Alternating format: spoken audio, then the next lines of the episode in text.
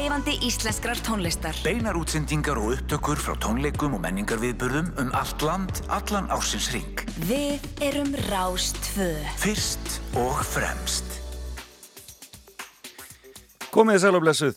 Já, þá leggjum við að stað á Rástfö á þessum ljúfa en doldið blöyta lögatarsmotni í höfuborginni.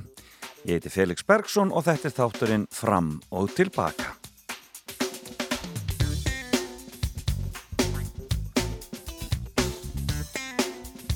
Og ég laka mikið til að vera með ykkur og gestum mínum í dag. Eh, við fáum góðan gest hér í fimmuna. Hún heitir Rósa Magnúsdóttir og er sakfræðingur og hefur vakið mikla aðtegli upp á síkastið í umfjöllun um Rúsland þar sem hún er sérfræðingur. Hjálfarið á Úkrænustríðinu hefur verið mikið í fjölmiðlum en ég vildi endilega kennast henni aðeins nánar og hún ætlar að segja okkur á fimm stöðum sem hafa haft áhrif á lífennar og það verður áhugavert að heyra hvaða staðir er það. Ég með grunar að við förum út um allan heim.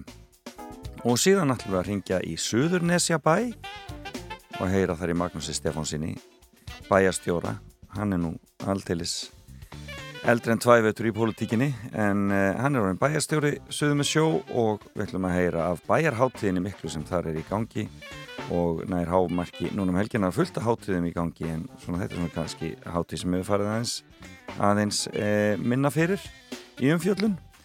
Og því að ringi í Magnús. Og svo ætlaði ég aðeins að spila nokkur lög með Talking Heads og svona stikla á stóru í svona, já, í e, sögu þeirra hljónsveitar á e, síðasta hálftímanum. Það var þátturinn um myndböndið þeirra í sjónarpunni daginn og ég bara rifiðast upp fyrir manni hvað margt frábært sem að þau voru að gera. En líka hvað þetta var stormasamt allt í kringum þau En síðan er það eh, lag dagsins og ég ætlaði að byrja á lagi frá árinu 1990 því að er, eh, það er árið sem við ætlum að fjallum eða þrákarnir í árið er alltaf fjallum í dag í árástu og eh, þá kom út það ár kom út plata með mannakornum. Platan hittir Samferða og kannski var það lagið svona sem var mest spilað. En líka rosalegur blues með Bubba Mortens sem hann syngur. En svo er þetta ljúflingslag hér Það heitir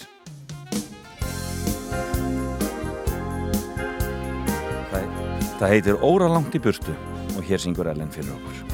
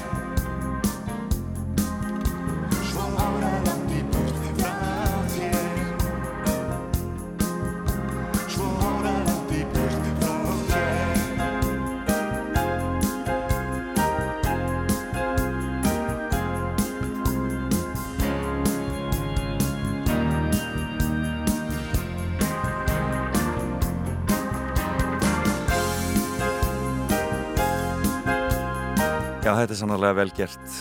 Óra langt í burtu, þetta er Mannakord og Ellen Kristjánsdóttir þarna í farabroti. En það verði að líða því að Rósas Magnúsdóttir setjast hérna hjá mér og við förum í gegnum fimmuna hennar, fáum eitt laga viðbót og er ekki buppi tilvalinn. Þetta er nú alltaf gammalt og gott. Þingmannagælan og svo förum við Rósa að ræða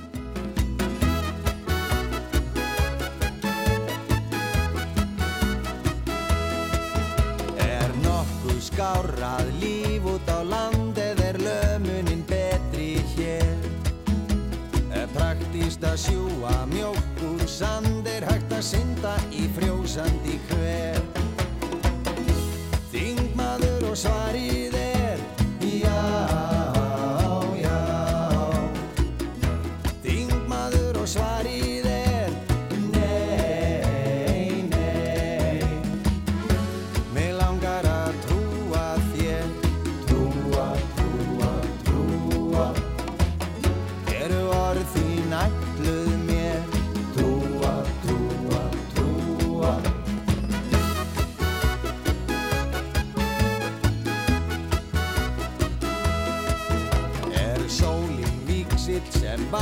hjá denna Er vorið misnotað barn Er Jónas Hallgríms á himnum að brenna Er Hitler að vefa þar garð.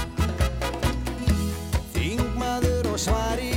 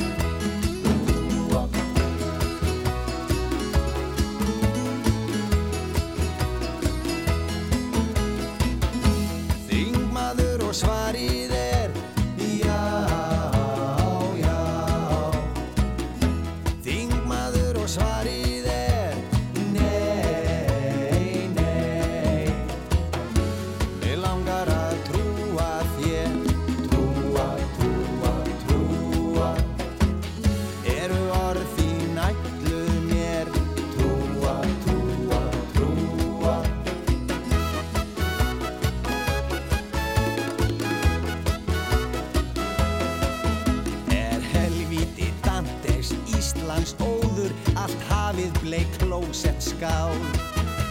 Hann er á hinn ljúfi á lýruna góður hafa lögfræðingar sál. Þingmaður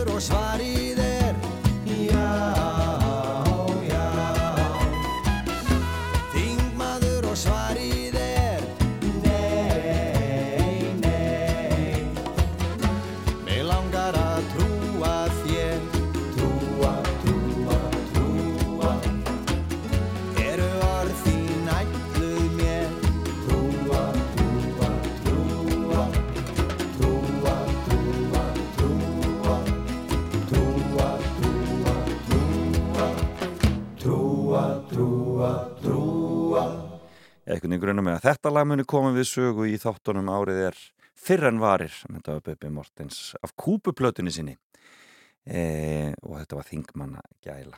En þá býð ég við mann þetta dagsins velkomna til mín Rósa Magnúsdóttir, sakfræðingur, hjertanlega velkomin. Takk fyrir. Prófessor í sakfræði, Já, er það ekki? Það skal ekki rétt vera rétt. það er víst. Já. E, svona fyrst, ertu, ertu, ertu morgumanneskja? Já, já, þegar ég þarf að vera það. Já, Þannig að ég vakna nú yfirleitt svona milli hálf sjö sjö, kannski við stundum nær sjö. já, akkurat. En til þess að koma öllum á fætur og út í daginn, Já, þá, þá jú, jú. þú ert með þrjár dætur. Já. Hvaða, á hvað aldrei eru þær? Þær eru 10, 13 og 15. Já, þetta er að vera fullori fólk alls saman. Já, Já. gríðaleg breyting. Ég man samt alveg ennþá eftir því að hafa verið með þar sko þrjár undir fimm ára. Á, vá, já, það En- er hann sem mikill pakki. Það er pakki, en, en hérna, já, þær eru þrítýndar, rosalega flotta stelpur. Frábært. Mjög Stolt að þeim líka að hafa flutt til Íslands, það var ekki alveg auðveld. Nei, akkurat. Þegar þú segir þrítingdar, hvaða þrjú tungumál eru það? Sko, þær eru fættar í Danmörku, Já, og tala þú dansku. tala dönsku, það er eiginlega þeirra fyrsta mál. Já, Ég vald að tala íslensku við þær, einmitt. pappi þeirra þýsku. Já, einmitt. Hann er, sem sagt, hann er hálfur þjóðveri hálfur frakki til að Já. flækja þetta enn Já, frekar. ok. Og hérna, fóreldra hans búa núna í Fraklandi en hann ólst upp í Þýskalandi. Já, Við hjónin tölum saman á þýsku en svo tölum við allt í bland, stelpurna svara ennþá mikið á dönsku Já. en er að skipta kannski yfir í íslensku núna já, og við höfum alltaf bara tekið þann pól í hæðina að það eigi bara allir að skiljast og, og hérna, mikilvægt líka að þær skilji fjölskyldumeðlimi þegar þær byggu í Danmörku að þær gætu skili þýsku og íslensku. Þetta verður allt gengið. Þetta er En, en þetta er svolítið flókið og ég sé það stundum í heitupottunum á Íslandi að fólk horfir á okkur og skilur eiginlega ekkert Nei. er í gang. Sumir spyrja bara á það gaman. ykkar enga, ykkar enga tungumál í fjölskyldinni. Já, já, allt í gröð. Allt í gröð. Skemmtilegt, já, en það, ég segi stundum sko, það er ekki alltaf, þegar menn að ræða þetta núna um íslenskun og allt saman, það er ekki spurning hvernig maður segir heldur hvað maður er að segja. Já, Nú, það, er ekki. jú, Og, það er nú kannski mikilvægara já, oft á tíðum. En, hva, en kemur franskan aldrei við sögu þá eða hvað? Jú, það er norðin svolítið spenntar að læra meiri frönsku Já, og láta ömmuna hjálpa sér svolítið við það og, og hérna, tæknina já, og akkurat, já, einmitt, þar. akkurat, já, Þannig að jú, jú, þær eru þetta og við í Fraklandi heimsóknum, en skemmtilegt. kemur líka. Fimmann, hún gat náttúrulega í valla orðið annað heldur en staðir, svona í ljósi þess þarna hvað þið hafi farið við það, en þú hefði líka hugsað þér að þú hefði getað að tala um bækur. Já, Ertu maður að vera bókabesi allar tíð? já, alltaf. Og það kemur kannski myndið sögja því að fyrsti staðurinn sem að ég ætla að tala um er breiðholtið Já, og ég á bara svo góða minningar úr breiðholtinu, margan hátt, Já. en, en ein af þeim er líka svo að þarna kom alltaf bókabíll já, Tvís var í viku á þeim tíma Einmitt. og annars var pappi minn heitin mjög duglegur að taka mig á bókasafnið, Já. fyrst í hérna, bústæðasafn mm og svo þegar Gerðuberg opnaði, að þá fórum við mjög oft eftir kvöldmatt upp í Gerðuberg til þess bara svona sátu þar og já, og sækja bækur Einmitt. og eiginlega í hverri viku en þannig að dásanlegt. það var alveg rosalega gott uppeldi að fara og eiga þessar stundir með pappa. Já, hvar bygguði í breiðholtinu? Við byggum í Seljakverfinu Já, og ég flutti þanga þegar ég var átt ára já, já, og það er kannski þess vegna þetta var eiginlega svona fyrsta menningarsjokkið já, einmitt. því að ég hafi verið í Kópáskóla fyrstu tvö og, hálfa árið Allt svona svolítið skóla. borgaralegt og svona njörvað Já, og... bara mjög lítill skóli Já. þetta voru, ef ég manda rétt bara tveir frekar litli bekkir Já, í. Kópáskóla og svo kom ég í Öldurselskóla á miðjuskóla ári þar sem voru sko yfir hundra krakkar í árgangi Já, tvísetin skóli Einmitt. og það var bara svolítið meira líf og fjör þar já, og meir en að segja það sjálfsagt að gangi inn í það. Já, alveg, það var svolítið hlegið að því að, hérna, að ég var með svona pennaveski sem var alltaf upp í hotninu á borðinu og svo þegar voru komna fríminutur og þá var mitt eina borði sem var hérna, í röð og reglu Já. og svo var allt á kvolvu. Að borðanum í ring. Já, það var samt alveg rosalega gaman og ég átti rosalega góð ár Já, frábært. þannig að þú, þú er eignast vini fljótt og svo leiðis. Já, já, já, já, mjög góða vinni og, Já. Og Og heldur þú sambandi við eitthvað vinnið þínu frá þessum tíma? Já, Já. já, já. Uh, ykkur fylgdu mér líka í mentaskóla. Ég Einmitt. fór nú í mentaskólinni Reykjavík. Já. og ennþá eru hérna, gamleir vinnir úr öldurselskóla alltaf mjög kærir. En Það var einmitt verið gaman að koma heim líka og hitta þá svolítið á förnum vegi og það er bara eins og við hefum hist í gær. Sko. Já. Þó að kannski séu árnorðin ansi mörg síðan að, síðan að við hittumst síðast. Akkurat, en það er ekki farið svo að þið hafi flutt í seljakverfi þegar þú komst tilbaka heim. Nei, uh, það fór ekki svo. Það er En- kannski, lík, mér finnst þetta æðislegt hverfi og rosalega gaman líka að koma ánga núna og sjá hvað þetta eru gróið og fallegt. Það var mjög gott að vera barn í seljakverfi. Seljakverfi, já. Uh, en maður minn, hann er svo mikill hjólamaður hann vildi hafa radíusina eins hérna, nær hérna, Háskóla Íslands sem við bæði vinnum núna Einmitt. Þannig að við fluttum í laugadalinn sem er alveg nýtt hverfi líka fyrir mig Ég Einmitt. segi ofta að ég bara held ég hafi alla farið í partí í laugadalinn þegar ég var ung og hérna áður fyrr en núna er ég að kynnast uh, honum vel og finnst það alveg dásamlega Ég, var svona hverfi líka. Já. Hvað með, sko, þú, þú, þú bók, var- varst í bókunum og, fóst í, en fó, kviknaði sagfræða áhugin þá strax? Já, eiginlega mann ég fyrst eftir því að hann hafi kviknað í breiðholtinu Mhm. þá eiginlega í gegnum bara dagblæðalestur. Já. Hérna, ég varð fyrir bara mjög miklum áhrifum þegar að byltingarnir í Östur-Európu voru eiga sér stað Einmitt. og var akkurat á svona aldrei þar sem að ég fór oft heim eftir skóla og las dagblöðin, fóröldur minni voru áskrifundur að dagblæðinu vísi og morgunblæðinu, Einmitt. þau voru þarna tvö og á þessu tímabili vissi ég bara nánast allt um það sem var gerast í kringu 1990. Austur-Evrópu. Já. Já, hérna 88, 89 Já. mann líka mjög vel eftir leðtúafundinum 86 Einmitt. Þannig að þetta voru svona atbyrðir sem höfðu mikil áhrif á mig Já.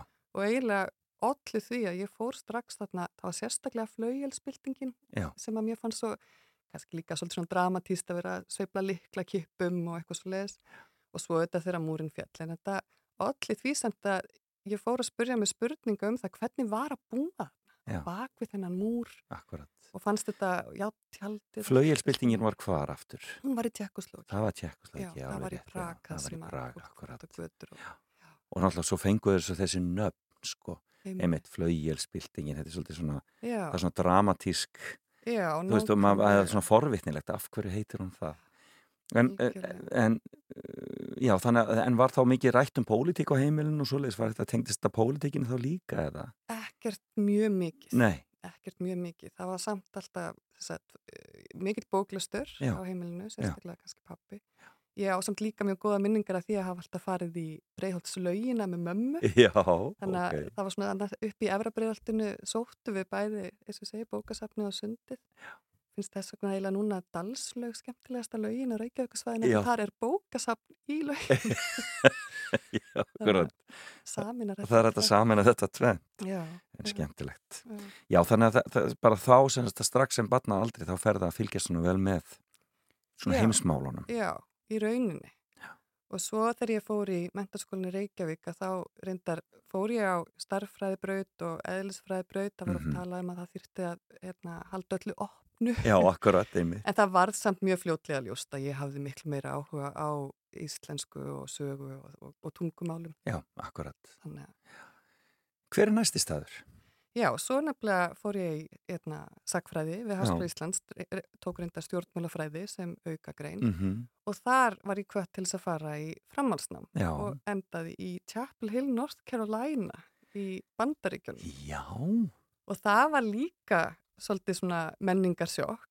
Uh, Chapel Hill er háskólabær. Þetta er elsti svona hérna, opinberi háskólinn í Bandaríkjunum. Já, en hann á sér langa sögu, mjög fallegur svona háskólakampus. En þetta er lítill bær og, og er þarna í Suðuríkjum Bandaríkjana og ég kom nú bara bynd frá Íslandi og einhleip og með man þitt svo vel bíja eftir- próf með, og, já. einmitt. Og það var sérsagt bæði bara menningasjokk að koma í svona í svona alvöru háskóla, auðvitað var háskóla Íslands alvöru háskóli, en þetta voru, þarna var bara mjög metnaðafullt prógram Ok, og hérna, ég þurfti nú alveg að hafa daldi fyrir því Já. að, vera þarna í námi. en af, af hverju fóstu þangað? Var það var bara, var það bara fóstu svona, Já, skoðaður bara hvað möguleika var í bóði og, og já þetta, er, þetta er auðvitað svolítið fyrir daga internetsins, Já. þannig að maður er svolítið bara að sækjum og þarna var alveg rosalega stert prógram í Rústlands það, bara það, það voru fjóri prófessorar sem syndu þessu sérsviði og þetta var bara einn af stóru skólinum á því sviði. Já. þannig að ég var mjög heppin að lenda þarna.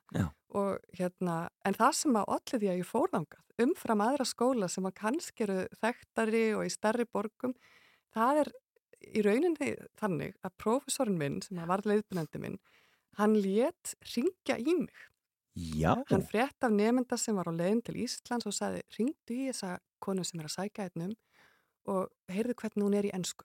Já, einmitt. og hún gerir það, mér mann en það eftir þessu, ringir á sunnudegi, veku mig og hérna spjalla við mig og fyrir svo segir hún um að jújú, jú, hún talar alveg ennsku og svo skrifar hann mér alltaf posta og ég ákvað bara eiginlega að fara að því hann síndi mér svo mikið persónlan áhuga Já. Að fylgja bara svona einhverju tilfinningu sem ég hafði að þetta væri góð staður og þarna er þið vel tekið á mótið mér og, það, það var alveg rétt. Og hvað heitir þessi maður? Hann heitir Donald Rowley Já. og er hérna, hann er reyndar komin á eftirlaun en hann hefur einmitt líka haldið svo rosalega vel utan um okkur öll sem hefum lært hjá honum. Já. Við erum alveg á þriðja tug út um allan heim og þetta er alveg stort neta fólki sem að stiðu hvert annað Já. og hittist reglulega líka. Og er þá að stúdera þessa austur-eurósku austur-eurósku sögu? Já, sérstaklega sögu Sovjetríkjana. Hann var sérfræðingur í því. Í Sovjetríkjana? Já, í sögu Sovjetríkjana. Opnaðast nýr heimur þarna? Algjörlega. Algjörlega. Þetta er bæði það bara að kynast eh, bandaríkjunum og, og söðuríkjunum. Sko, Chapel Hill var svona svolítið lokaður heimur, svona mm. hásklubæri sem mjög frjálslenda skoðanir Já. en það þurfti ekki að fara langt út fyrir bæin til þess að sjá svona annan heim. Eh, Svolítið eins og í Amerika er það er ekkert, þú fer bara yfir götun og þá bara ertu komin eitthvað allt annað, eitthvað allt annað og þeim fannst ég líka svolítið skrítin ég man eftir því að í eitt af fyrst skiptunum sem ég fór í stræt og í Chapel Hill að þá, ég var ekki búin að opna munnin, hann var ekki íslenski reymurinn, þá horfið strætopilstjórun á mig svona upp og niður og svo hún svona You're not from around here, are you? Mjög svona þykk og söður ekki að hreim. Og, og þá var ég í ykkur þykkbotna skóm frá já, Íslandi og svona ekki alveg komin inn í hérna bandarísku svona, já, já. fata. Já, tískuna. Já. Þannig að þarna mætti stólikir heim. En skemmtilegt. Og hvernig, og hvað varstu lengi? Chapel Hill. Já, sko, ég, ég kynntist manninu mínum þarna bara mjög fljótlega eftir ég kom út. Þannig að ég var í Chapel Hill fram og tilbaka alveg í nokkur ár. Ég bjóðar alveg til í svona fjögur ár, þrjú, þrjú ár, þrjú og hálft, en mm -hmm. svo var ég svo mikið farin að fara til Rúslands. Það var auðvitað hlutanáminu að kynast því að vera þar í skjálasöfnum. Og svo var því að eh, David, maðurinn minn, að hann var í námi í Þískalandi, hann hefði verið í skiptinámi í bandarækjunum og þannig kynntust við, þannig að það var alveg orðið flókja okay, strax. En þá var ég líka mjög mikið í Þískalandi. Þannig að ég hérna, var svolítið fram og tilbaka hérna á milli bandarækjana og Þískalands, Rúslands og svo auðvitað alltaf eitthvað líka Íslands. Og hvernig kynist þetta David? Það er mjög lungsa. en hann, uh, það tengist uh, ferð, þakkargjörðarferð árið 1999. Hann var í skiptinám í Bloomington, Indiana. Þeir sem þekkja bandaríkinn vita að það er svolítið langt frá Tjapil Hill. Akkurat. En þetta var sem sagt ferðalag uh, þar sem að hann kom til Tjapil Hill og við kynntum stafn. Já, já. Og svo voru við í svona fjarbúð lengi Einnig. en hittumst uh, reglulega mjög mikið. En skemmtilegt. Og var, eh, hvaða var, námi var hann í þá hérna úti? Já, hann, hann er félagsfræðingur Já. og hérna er núna profesor við Háskóla Íslands í, félagsfræði mentunar. Félagsfræði mentunar, já, já. einmitt. Já, hann veldi fyrir sér ójöfnuði og, já, einmitt, áhugavert og það hefur nú aldrei verið gullkist að vera í því þeim pælingum út í bandaríkjunum Já, algjörlega Já. algjörlega og hann er einmitt mikið í svona þver þjóðlegum rannsóknum svona samanburðar rannsóknum Já. í dag, þannig að það hefur alveg fyllt honum Akkurat, ekki veitir af Já. frábært, hvert, en hvert likur leði næst? Já, það staður Já, það var Mannheim Það er Mannheim í Þískalandi, já, já, já, já. Og mér fannst svolítið gaman að nefna Mannheim því að þar var þess að David maðurum minn í námi mm -hmm. við háskólan í Mannheim og þanga fór ég að koma mjög reglulega. Hann var mikið hjá mér í Chapel Hill en Já. ég var hérna mikið í Mannheim og svo byggum við þar alveg í tvö ár meðan okay. ég var að skrifa dóttorsvitgerina. Og Mannheim er svona borg í Þýskalandi sem að allir fara fram hjá af því að hún er rétt hjá Heidelberg. Akkurat. en hún er miklu starri og er að mörguleiti mjög skemmtileg. Það til dæmis sko mikil fjöldi innflytjanda, uh -huh. stærsti hóprin eru Tyrkir, þannig að mjög gott svona duna kebab í, Já, í Já, en það eru líka mikið af ítölum og svo mikið af fólki frá einmitt löndum austur-Evrópu Já. og svo er þetta svona skemmtilega hönnuborg hún er öll, uh, miðbærin er, eru ferningar ok. uh, og fallir garðar og mér fannst alltaf rosalega gaman að, að einhvern veginn kynnast mannheim. Hún er svona, þarna mætast árnar rín og nekkar og hef, ég held að augum margra hafi opnast fyrir þessari borg svona eftir því sem tíminn líður og fólk hver víðar. Já, akkurat. Hún er alveg, þetta er alveg 300.000 manna borg og, Ok. og mjög mikilvægt framle, mikilvæg framleiðslustæður í Þískalandi. Já. Og þannig að ykkur, og, og en fjölskyldan var ekki þar, var það hans? Nei, Nei. nei, fjölskyldan, David elst upp í bæsumiti Northeim, rétt hjá Göttingen og við Ok. hefum einmitt líka verið svolítið þar, Ok, en foreldra hans flytja til Normandi í Fraklandi Já. árið 2004 ef ég mann það ok, rétt. já. Flytja á æsku slóðir móður hans. Já, ég skil. Já.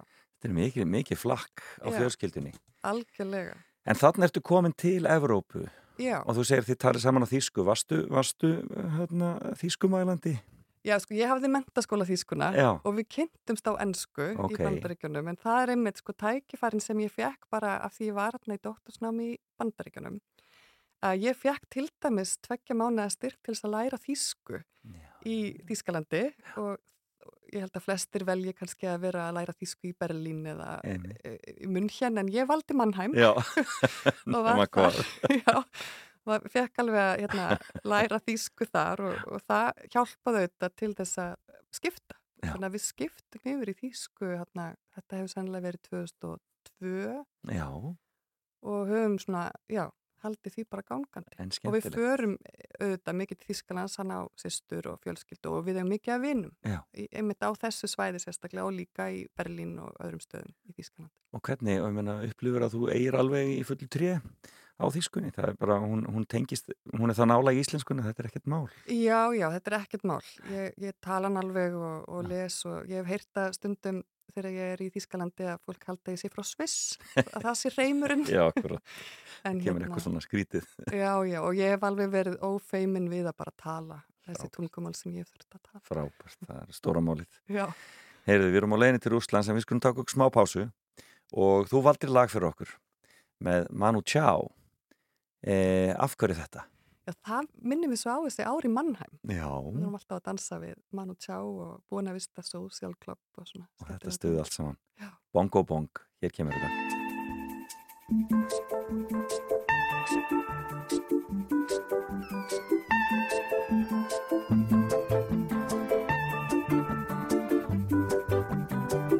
Was queen of the mambo, Papa was king of the Congo. Deep down in the jungle, I start banging my first bongo.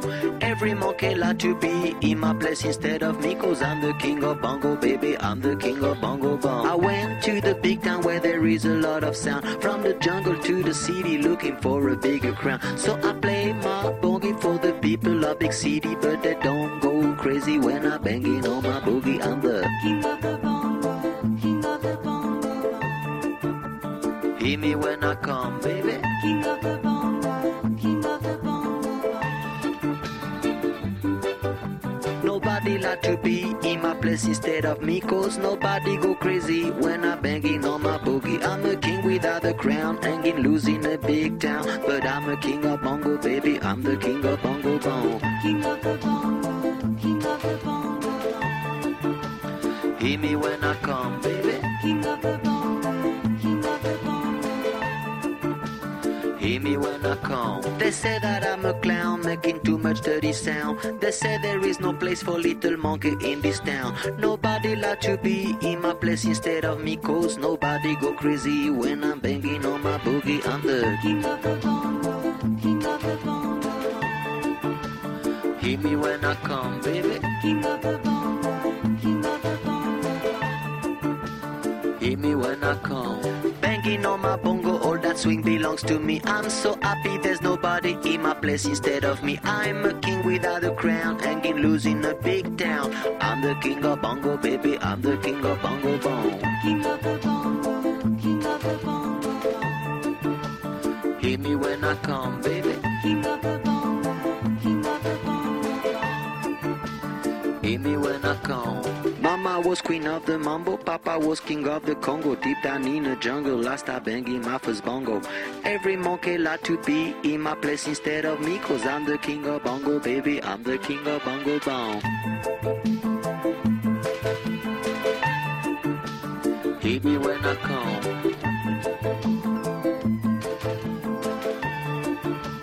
Hit me when I come,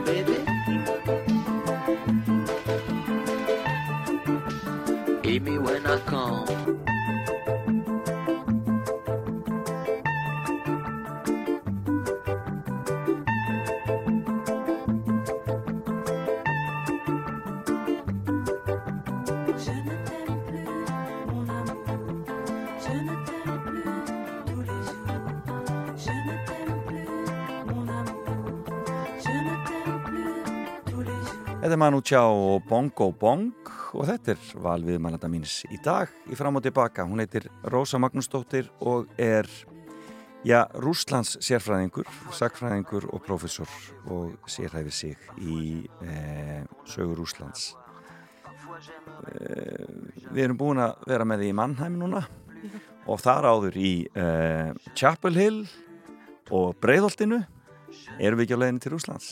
Jú, það einmitt var hluti af dottorsnáminu að kynnast Rúslandi Já. og læra rúsnesku. Þannig að fyrstu kynni mín af Rúslandi voru í Pétursborg Já, yfir sumatíman Já. sem var alveg dásalegt. Þar þar var ég bara í tungumálanámi og Já. hérna í leikusum og tónleikum og kynntist líka nætulífinu mjög vel í það. Og það var mjög skemmtilegt. Svo fór ég sem sagt til Moskvu í fyrsta skiptið árið 2002. Ok, Það er mjög eftirminnilegt. Eh, Ég kom þangað og átti að fara að kynnast skjálasöfnunum Mhm. að byrja og, og gerði það. En, en sko fyrstu kynni mín af Moskvu voru á þá vegu að ég hafi leikt herbergi hjá hérna, fullorðinu konu eins og mjög algengt var mhm, á þessum tíma og þar leiði ég þetta herbergi með alveg heilum her af músum já, sem að mér brá svolítið Já. við að sjá þær hérna fyrsta kvöldið og, og henni fannst nú ekkert mikið til þess koma að það væri nokkri músar ungar í hérna, herbygginu en, en ég hérna borgar stelpan úr hérna, breiðoltunum, ég fannst þetta ekki mjög skemmtilegt Nei. þannig að ég flutti til annarar eh, fullorðinar konu í herbergi og, átti þar nú, hérna, það voru enga mís Það voru í mýs þar. nei, akkurat. En þetta var sem sagt hausti sem að uh, Nordost leikús gíslatakan átti sér stað. Oh, Þannig að ég var í Moskvu þegar að þarna, hvað, þetta voru 800-900 mann sem voru þarna teknið sem gíslar af tjenskum hriðiverkamönnum í leikúsinu og fylgdist vel með. Þannig að það, það, ég man bara ennþá eftir þessu hausti sem svona, þetta, þetta var erfitt haust. Úrverður þetta hræðilega stríði í Tjetsni eða ekki í Jú. kjölfarað á því eða hvað? Jú, og svo voru þessar hriðiverka ára sér á Moskvu áframhaldandin, þannig að næst þegar ég var og ég var eiginlega lengst í Moskvu veturinn 2003-2004 Já. og þá voru sagt, árásir á neðanera lestina sem að maður notaði nú Einmitt. einasta degi í Moskvu. Þannig að ég man alltaf svolítið eftir því að það var svona svolítið ónota tilfinning en auðvitað verðum að bara halda áfram og hérna, ferðast og auðvitað, við þekkjum þetta náttúrulega víðar en bara í Moskvu að það er hægt að forðast svona staði en Þannig að Moskva, og ég var kannski heppin þegar ég var aðna í Moskva árið 2003-2004, það er þessi hefð fyrir okkur sem erum í Rúslandsögunni að vera alveg heilt ár Já. í skjálasöfnum til þess að hérna, vinna að doktorsverkefni. Og flestir sem kom frá bandaríkjunum voru þar alveg í ár, fóru bara ekkert heim. En af því ég hafði þessa tengingu við Mannheim að þá fór ég alltaf reglulega til Mannheim, Já, svona kannski skil. á tveggja mánuða fresti.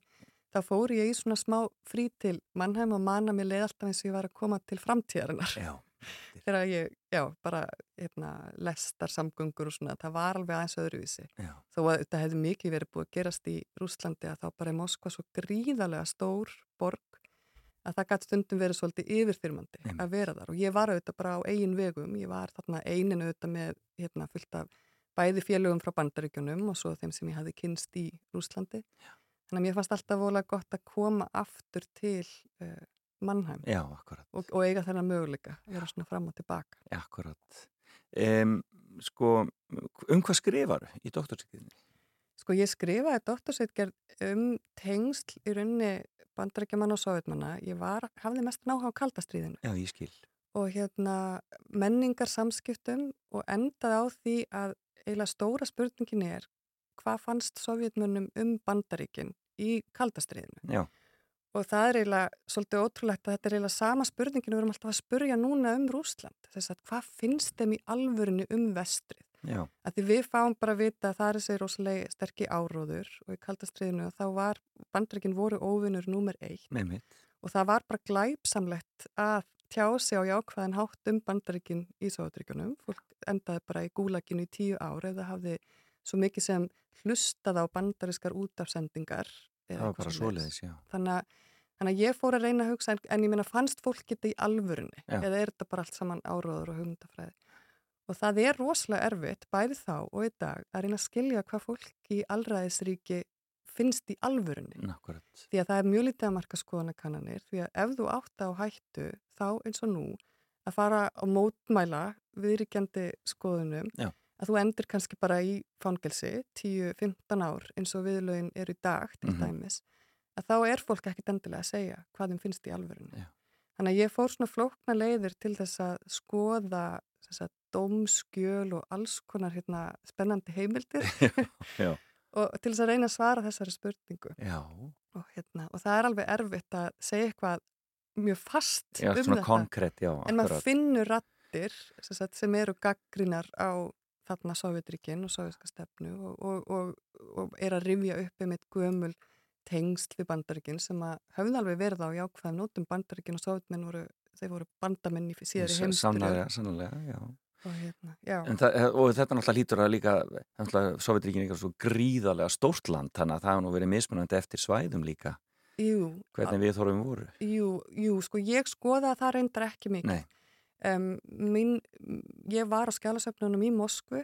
Það var reyndar og sérstaklega leiðbyrnandi minn hefði verið algjör brautriðandi því að senda fólk út á land Já. og skoða að ymmit hérna, hvernig e, til dæmis voru viðhorfin til byltingarinnar e, einhver staðar langt frá Moskvu til þess að skilja ymmit hvernig þessi munur er. En ég var mjög fókuseruð bara á Moskvu því ég var fókuseruð á þetta menningarstarf og þessi menningatengsl á milli stórveldana þannig, þannig að ég svo sem, ég fór í nokkra ferðir þarna, sá, það, það eru þetta alveg ótrúlega mikilvægt að hafa komið til borga eins og Saratov uh, við Volgu og, og, og var þarna svolítið á milli Pétursborgar og Moskvu en ég hef því miður ekki komið mikið uh, út á landsbyrn og það eru þetta svo gríðarlega stórt akkurat. land að það er erfitt að hafa þó maður hafi ferðast í marga klukktíma þá er maður ekki búin að sjá mikið Nei, nákvæmlega. En hve- hvernig er að kynast rúsunum á rúsnesku? Er það ekki allt öðruvísi? Jú, eiginlega besta upplifunin af því að rússum svona í, sko ekki þeir sem eru þegar orðni vinumanns. Já. Það var þegar að ég og David maður minn fórum til Moskvu, það hefur verið árið 2009 Mm með elstu dóttur okkar Já, sem að þá var bara einsás einmitt. og þá uh, vorum við þarna út af vinnunni og ráðstöfnu en, en það, það bara opnust augum mín fyrir því hvað rússar eru badgóðir Já, og allstar sem við komum og bara gjöru þið svo vel og hvernig getum við hjálpað ykkur og, og brostu mér að segja í hérna, landamæra eftirlitinu já, já. og hlóu, það hefði ekki gerst áður þannig að þeir voru ofbúslega badgóðir og, og hérna, það var eiginlega, ég hugsaði, það er eiginlega leiðin til að koma þarna sem ókunnug manneski og útlendingur Komið lítið bara með batn í fanginu já, Akkurat. já. Já, hérna. En þarna, um, en heldur þú tengslunum alltaf? Við, Við Rússland og Rússa? Já, alveg, alveg ágætlega. Já. Þó nokkrir af þeim sem að ég þekki best. Sko, bestu vinu minn í Rúslandi er hérna, maður sem ég kynntist þeim dýbandbergjunum. Já. Hann kom í doktorsnám líka til Chapel Hill og hann er meðal þeirra núna sem að hafa flúið. Já.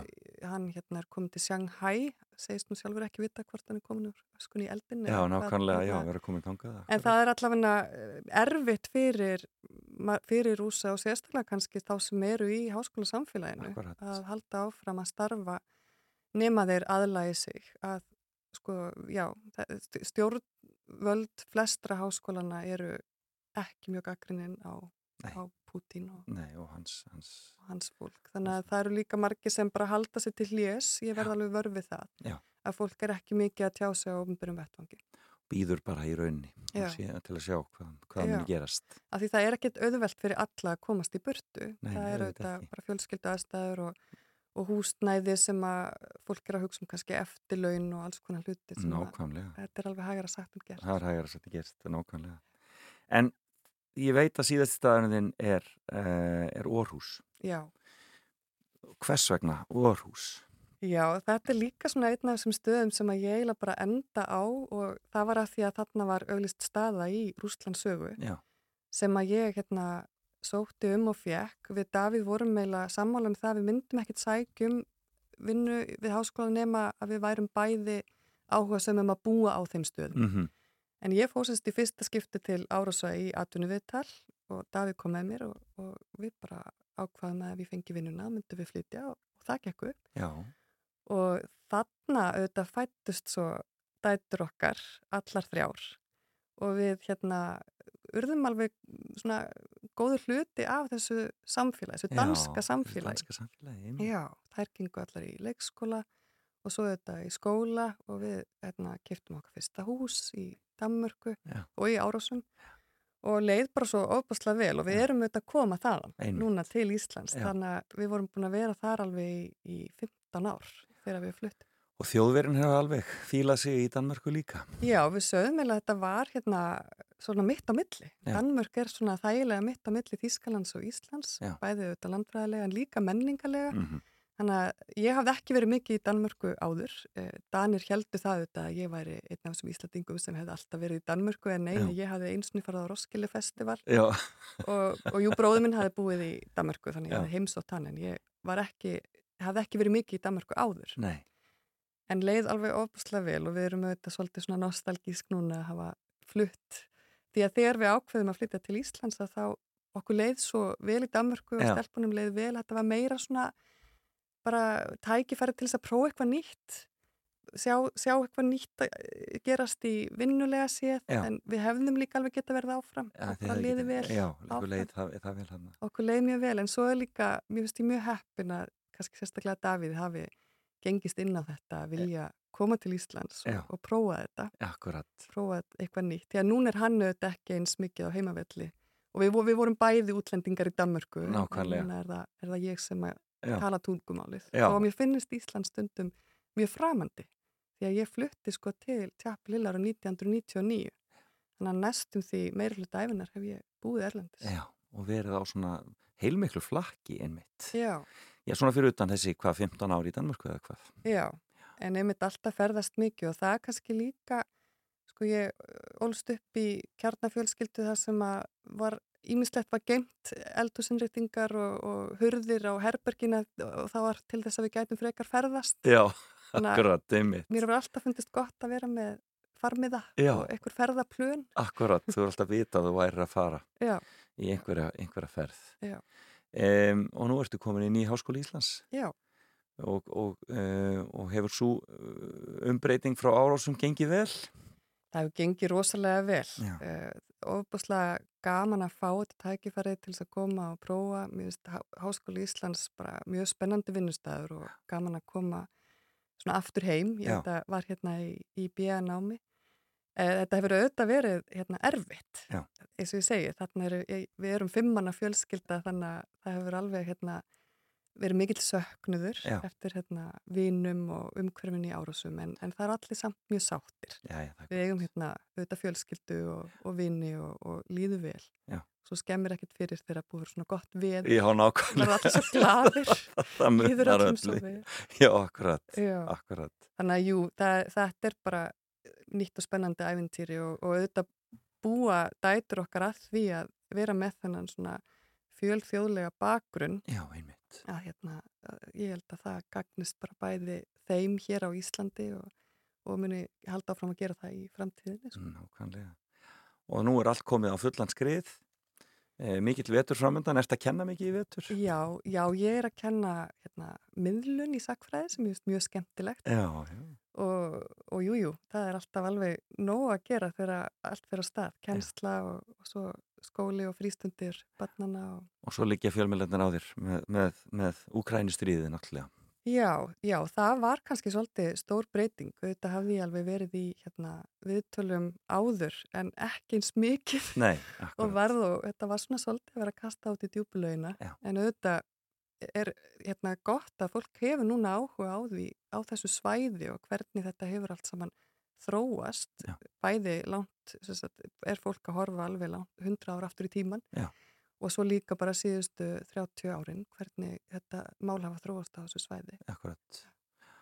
Það verður áhugavert að sjá og daldið svona, daldið, daldið, já, svona, maður hefur allar ágjur að því hvernig þetta þróast allt saman um, og svona almennt í Austur-Európu. Algjörlega. En ég get ekki sleftir að spyrja þig, ætlar að halda áfram að skrifa svona e, bækur fyrir svona eh, okkur, Já. okkur, okkur, okkur þarna, e, venjulega fólkið. Þú skrifaðir um, um Kristinn Andrisson og, þarna, og Þóru konu hans. Já. E, ætlar að, að halda slíkum, slíkum skrifum áfram eitthvað? Jú, vonandi. Já, Ég, það er kannski annirnar við, eh, ég hef verið svolítið önnum kafinn bæði við að flytja og, og einmitt eins og segir að hérna, ræða úkrænustríðið. Þannig en auðvitað, jú, það, ég er með hugmyndir að, að fleiri bókum alveg, algjörlega og fannst, fannst mjög gaman að skrifa á íslensku. Það, var, það er gaman að Fylgjum spennt með því, kæra þakkir. Fyrir komuna til okkar Rósa Magnúsdóttir, gaman að fá þig í fram og tilbaka. takk fyrir mig.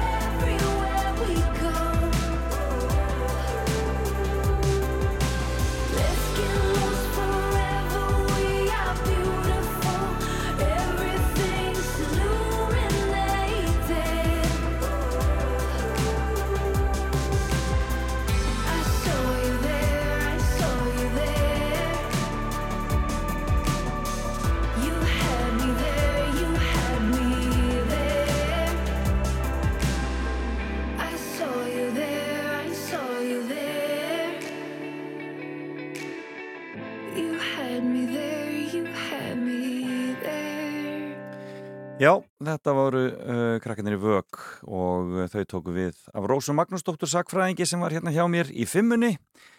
Eh, frábært að fá hana hinga til okkar eh, sérfræðingur í Rúslandi og í kaldastriðinu. Gaman að heyri henni og staðinir hennar fimm voru Breiðholtið, Selja hverfið Breiðholtið, Chapel Hill í North Carolina, Mannheim í Þýskalandi, Moskva í Rúslandi og já, Pétursborg konu aðeins aðna við sögu líka og svo Árósir í Danmörku. Og ef þið mistuð af spjallinu og verða að koma inn núna, þá verður þetta allt saman komið inn á netið að þessum þætti loknum. Beint úr efstaleitinu í Reykjavík. Fram og tilbaka á Rástfö. En við förum að uh, fara í nýju fréttir hér á Rástvö, heyrum hvað er að gerast í heimsmálunum uh, og svo höldum við ótröð áfram í þættinum fram og tilbaka og við ætlum að ringja uh, í Suðunesabæ hér eftir nýju.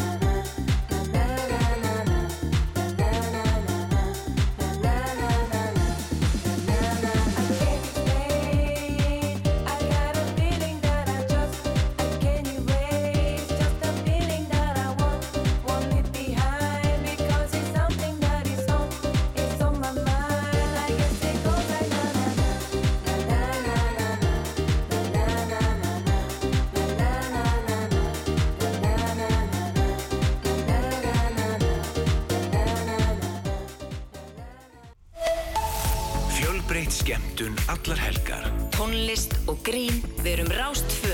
Fyrst og fremst.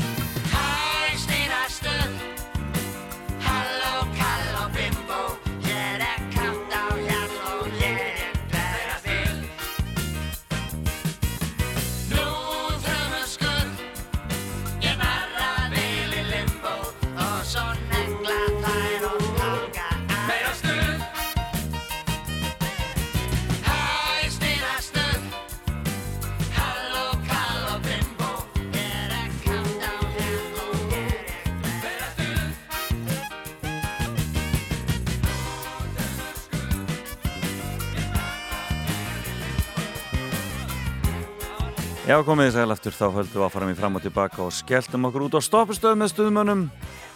Alltaf gaman að þessu. frá hvað 1974 er það ekki bara eitthvað svo leiðis já, en um, Rósa Magnúsdóttir sagfræðingur farin á dyr, það var gaman að fá hana hér í heimsók og uh, heyra fimmuna hennar en hún talaði um fimm staði sem hafa haft djúpa áhrif á líf hennar og það kom, þar, já, þar kendi nú ímisa grasa en það er ímislegt í gangi á landinu okkar góða.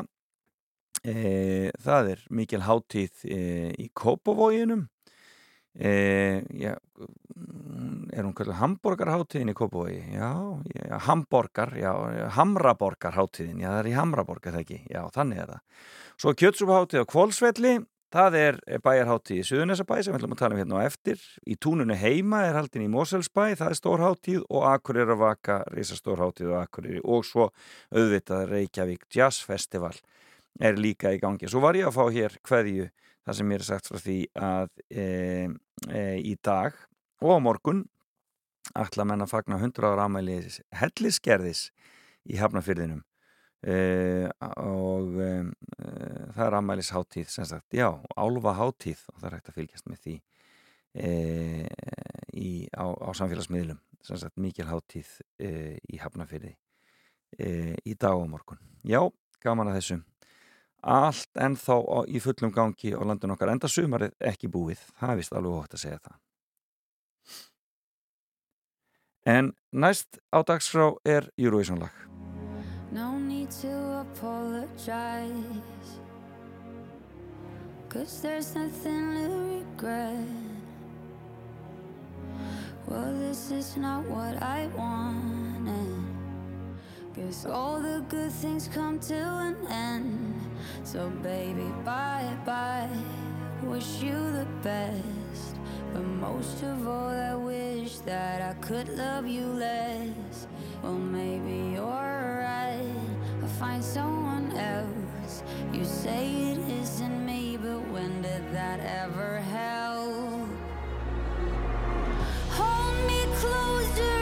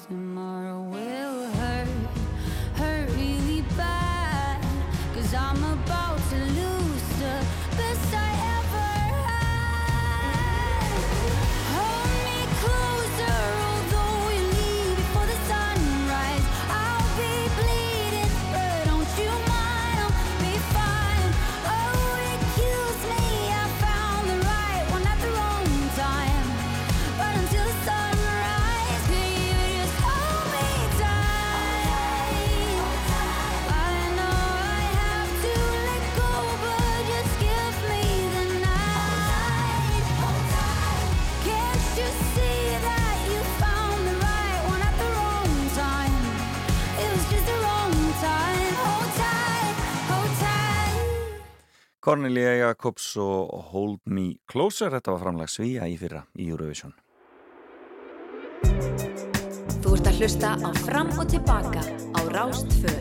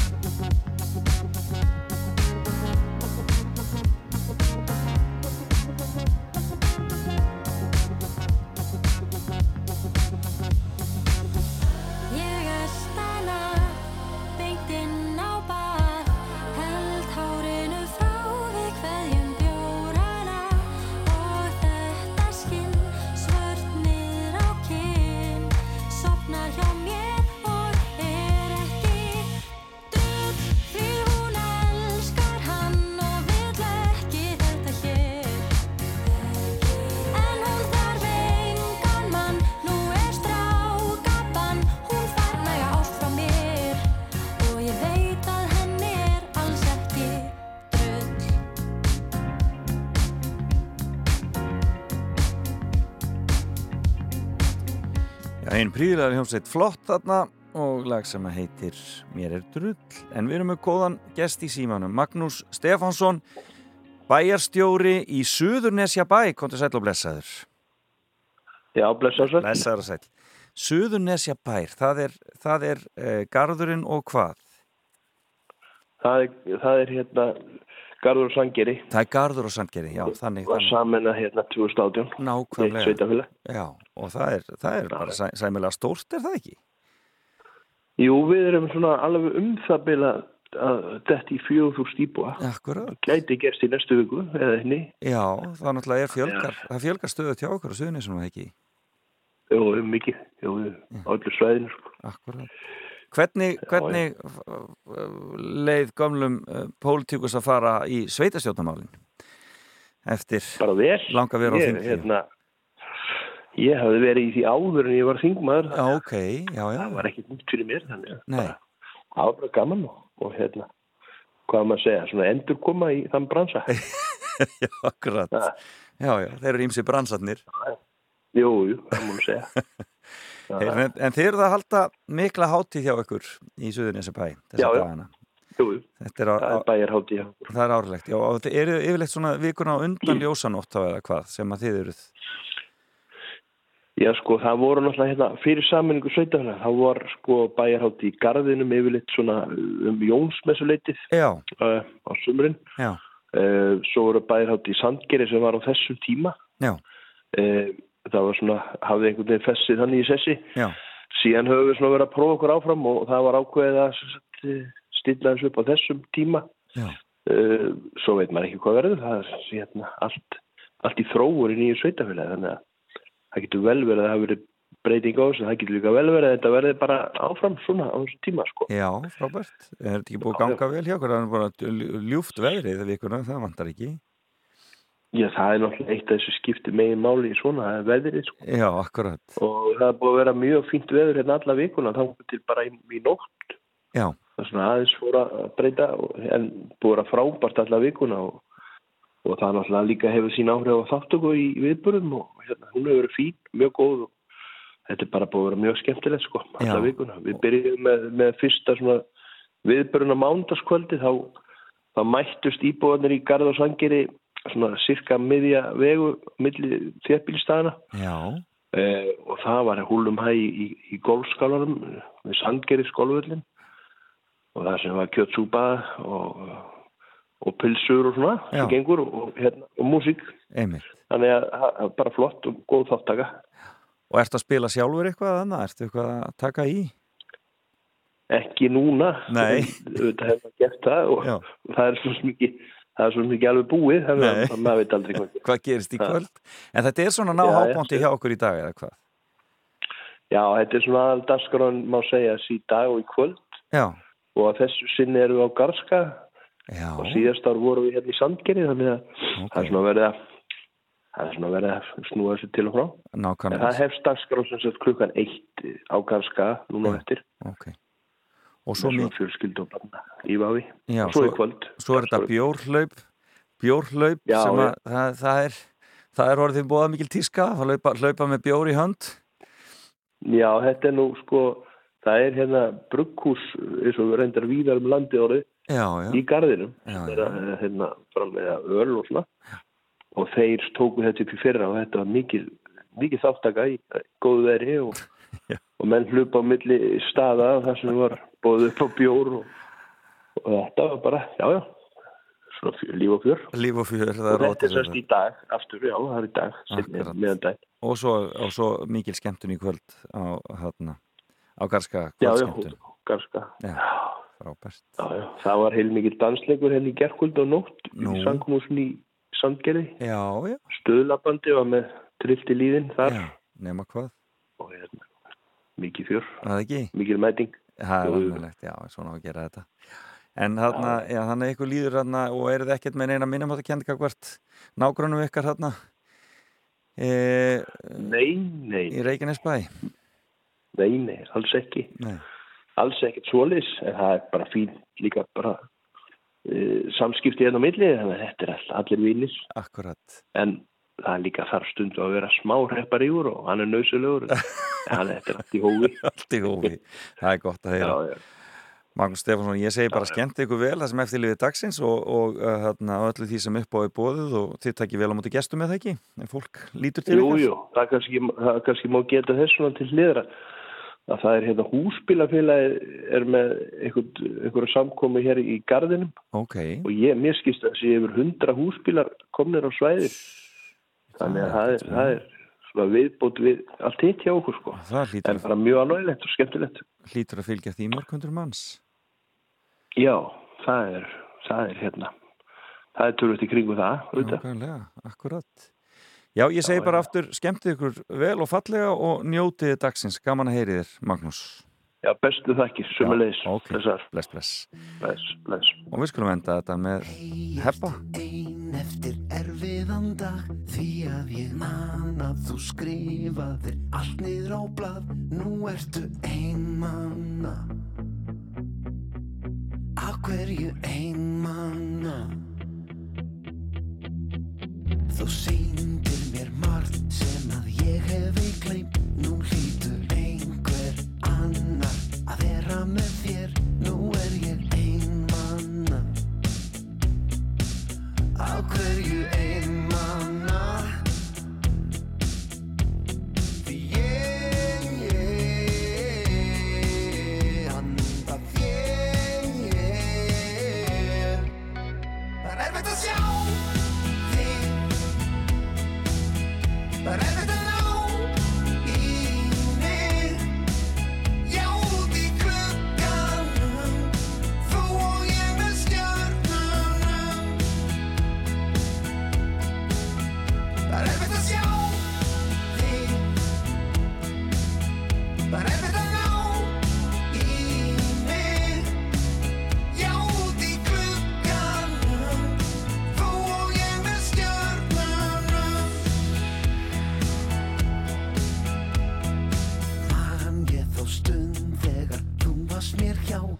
Það var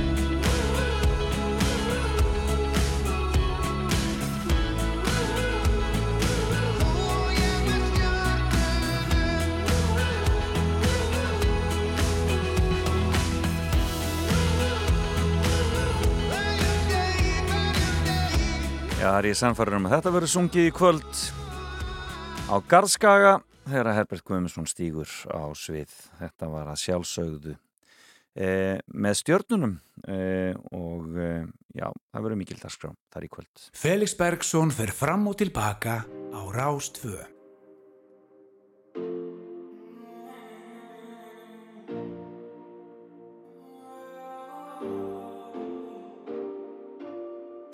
Rástfö. Var alltaf lengi að leita þér. Var ekki lengi að leika mér Það virkar ekki að segja mér neitt Það virkar alltaf ekki vel Og ég flýðu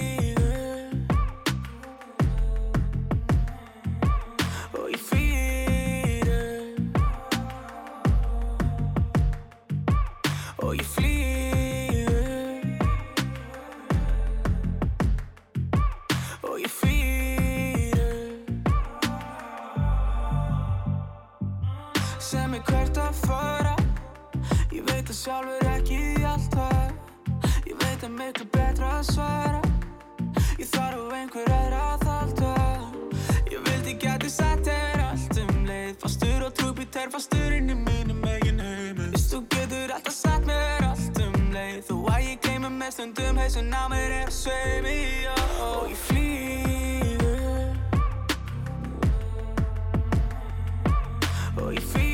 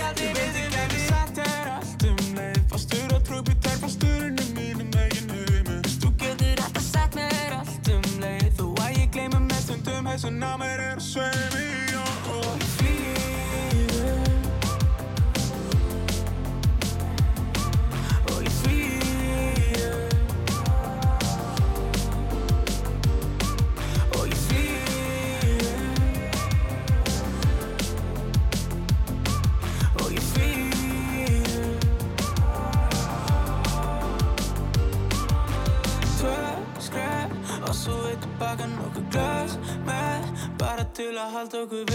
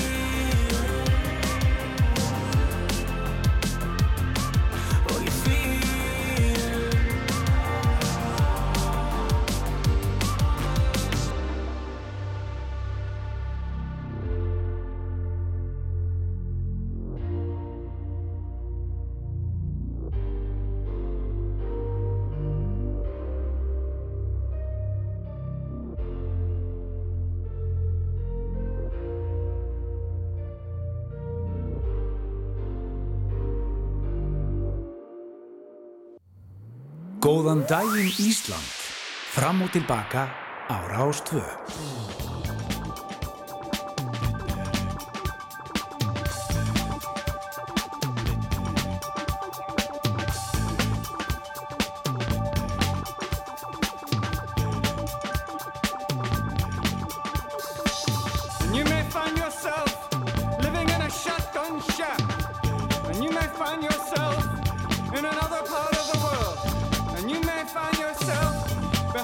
Wheel of a large automobile. And you may find yourself in a beautiful house with a beautiful wife. And you may ask yourself,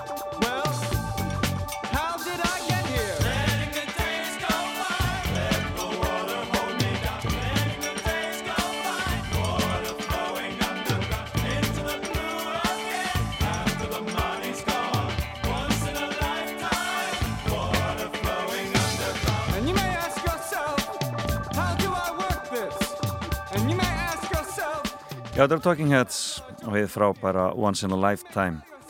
Og þetta er svona lagið sem að skýtur þeim svolítið upp á stjórnuhiminin almennilega.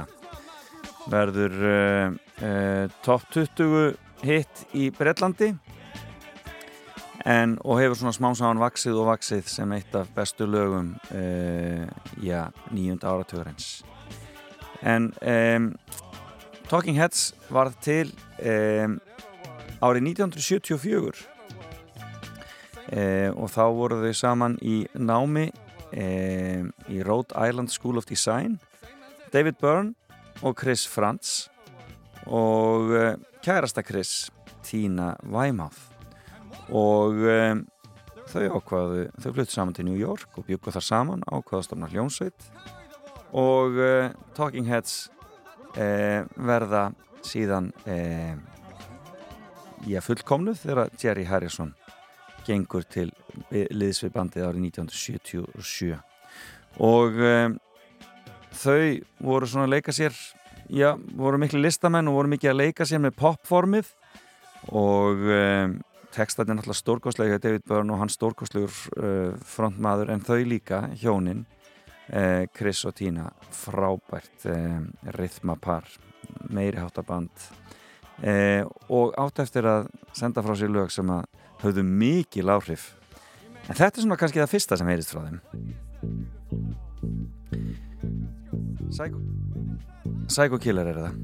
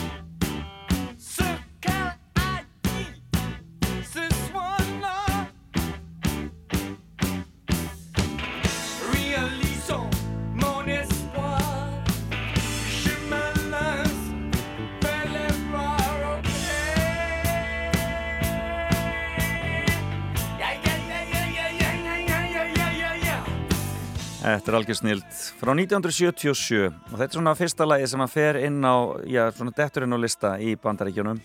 Og þetta er að fyrstu plötunni, Talking Heads 77 og uh, margir heldur nú að þetta væri uh, tengt fjöldamorðingjónan Son of Sam uh, sem hafi verið á ferði í New York hérna á þessum tíma. En Burns að hann hefði skrifað þetta lag miklu miklu fyrr og sagði þetta lag miklu fyrr en það fjalla þegar lögin hans miklu frekar um svona tilgangsleysi já, lífsins og tilgangsleysi útkværa lífsins sérstaklega og, um, og svona já, hann fjallar um Ameríku á einhvern máta sem að menn höfðu einhvern veginn ekki síð áður um, ótrúlega flottu textahöndur og um, það var náttúrulega þetta lag árið 1983 sem kom þeim svona skellt þeim svona almennilega í sviðsljósið.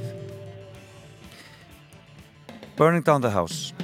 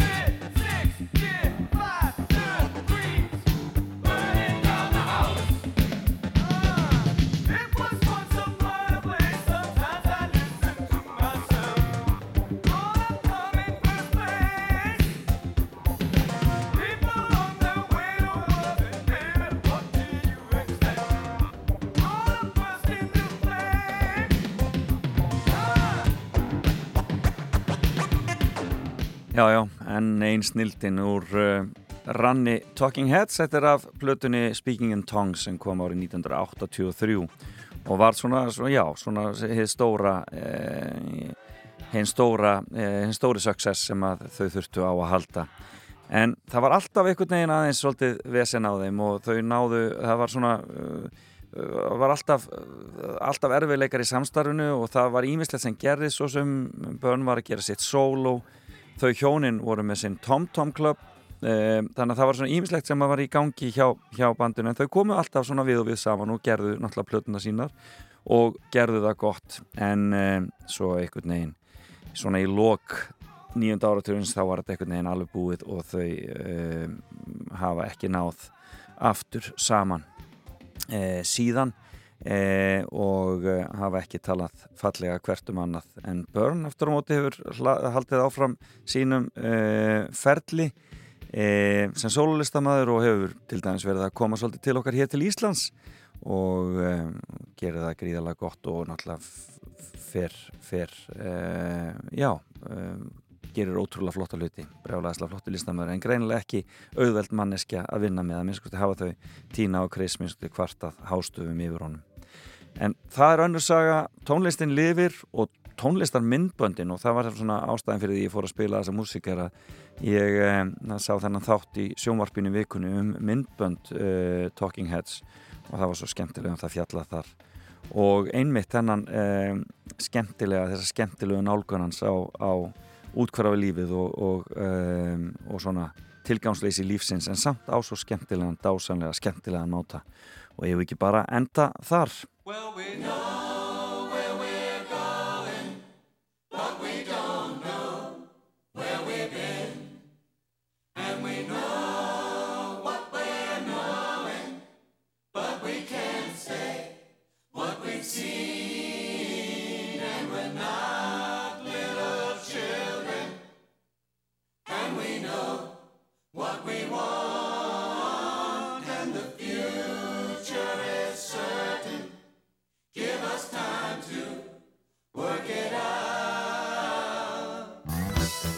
Road to Nowhere Þetta eru Talking Heads.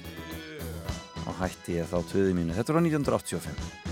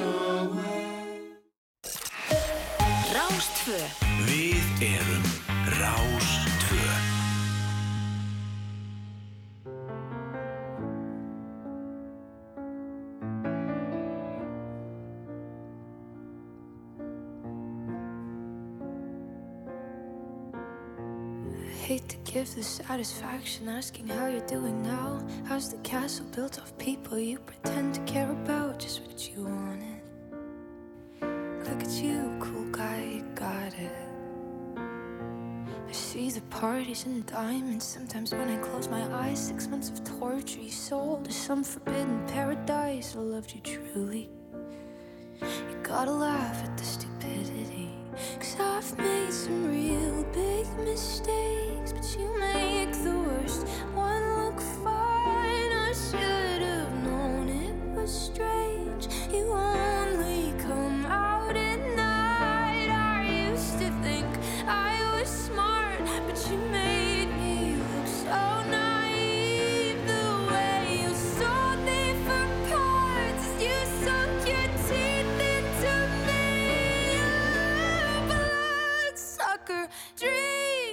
dream bleeding me dry like a damn vampire.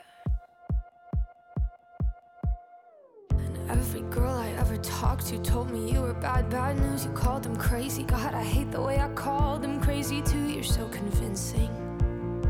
How do you lie without flinching? Ooh, what a mesmerizing, paralyzing, tragic little thrill. Can't figure out just how you do it, and God knows I never girls your age know better. I've made some real big mistakes, but you make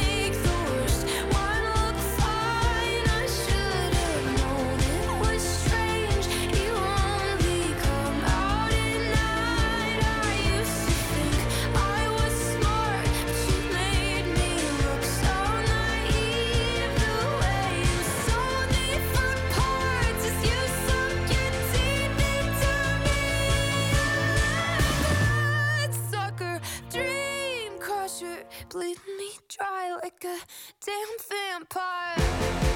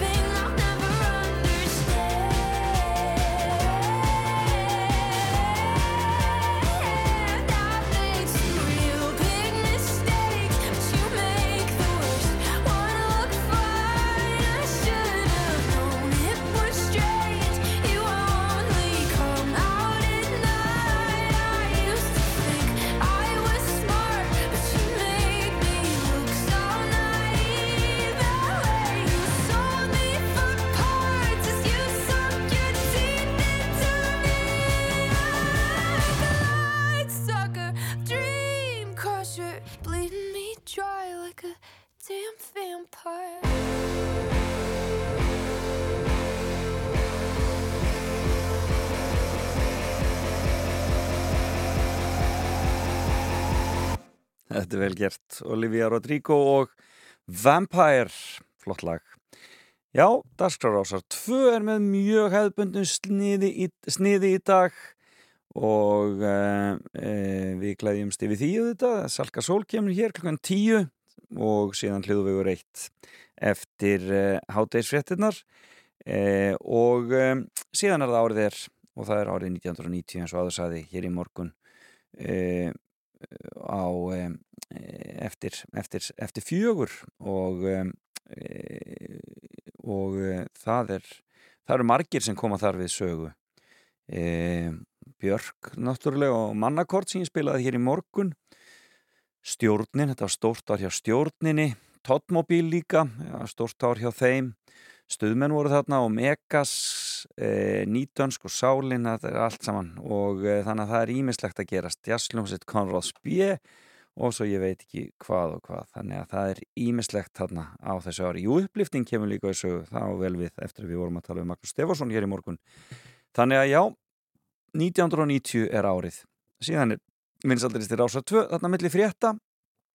Og svo Sýrður Rjómi e, eftir eftir e, e, höfna, eftir sjónsvettinar klukkan 19.23 Já, skemmtilegt og e, endilega verið með okkur áfram á Rás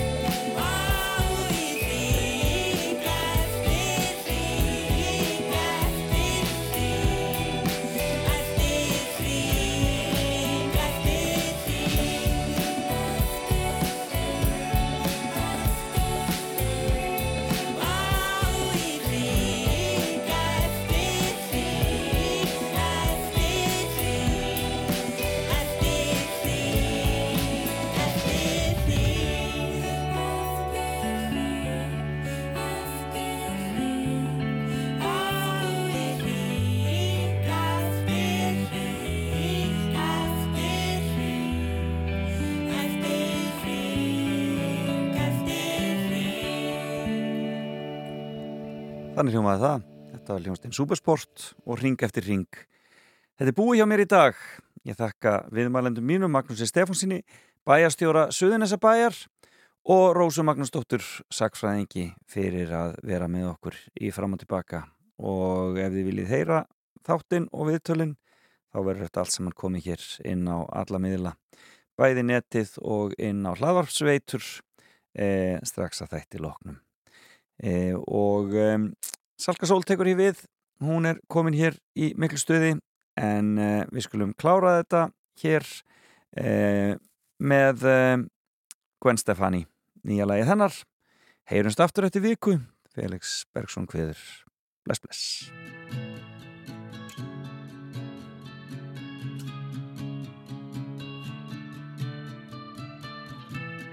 tattoo still looks cute to me, cute to me. We're old news, but you're new to me, new to me. I wanna fly to your shows, wanna wake up in your clothes. Come get you tipsy at 6:30, wanna take tonight slow. It's all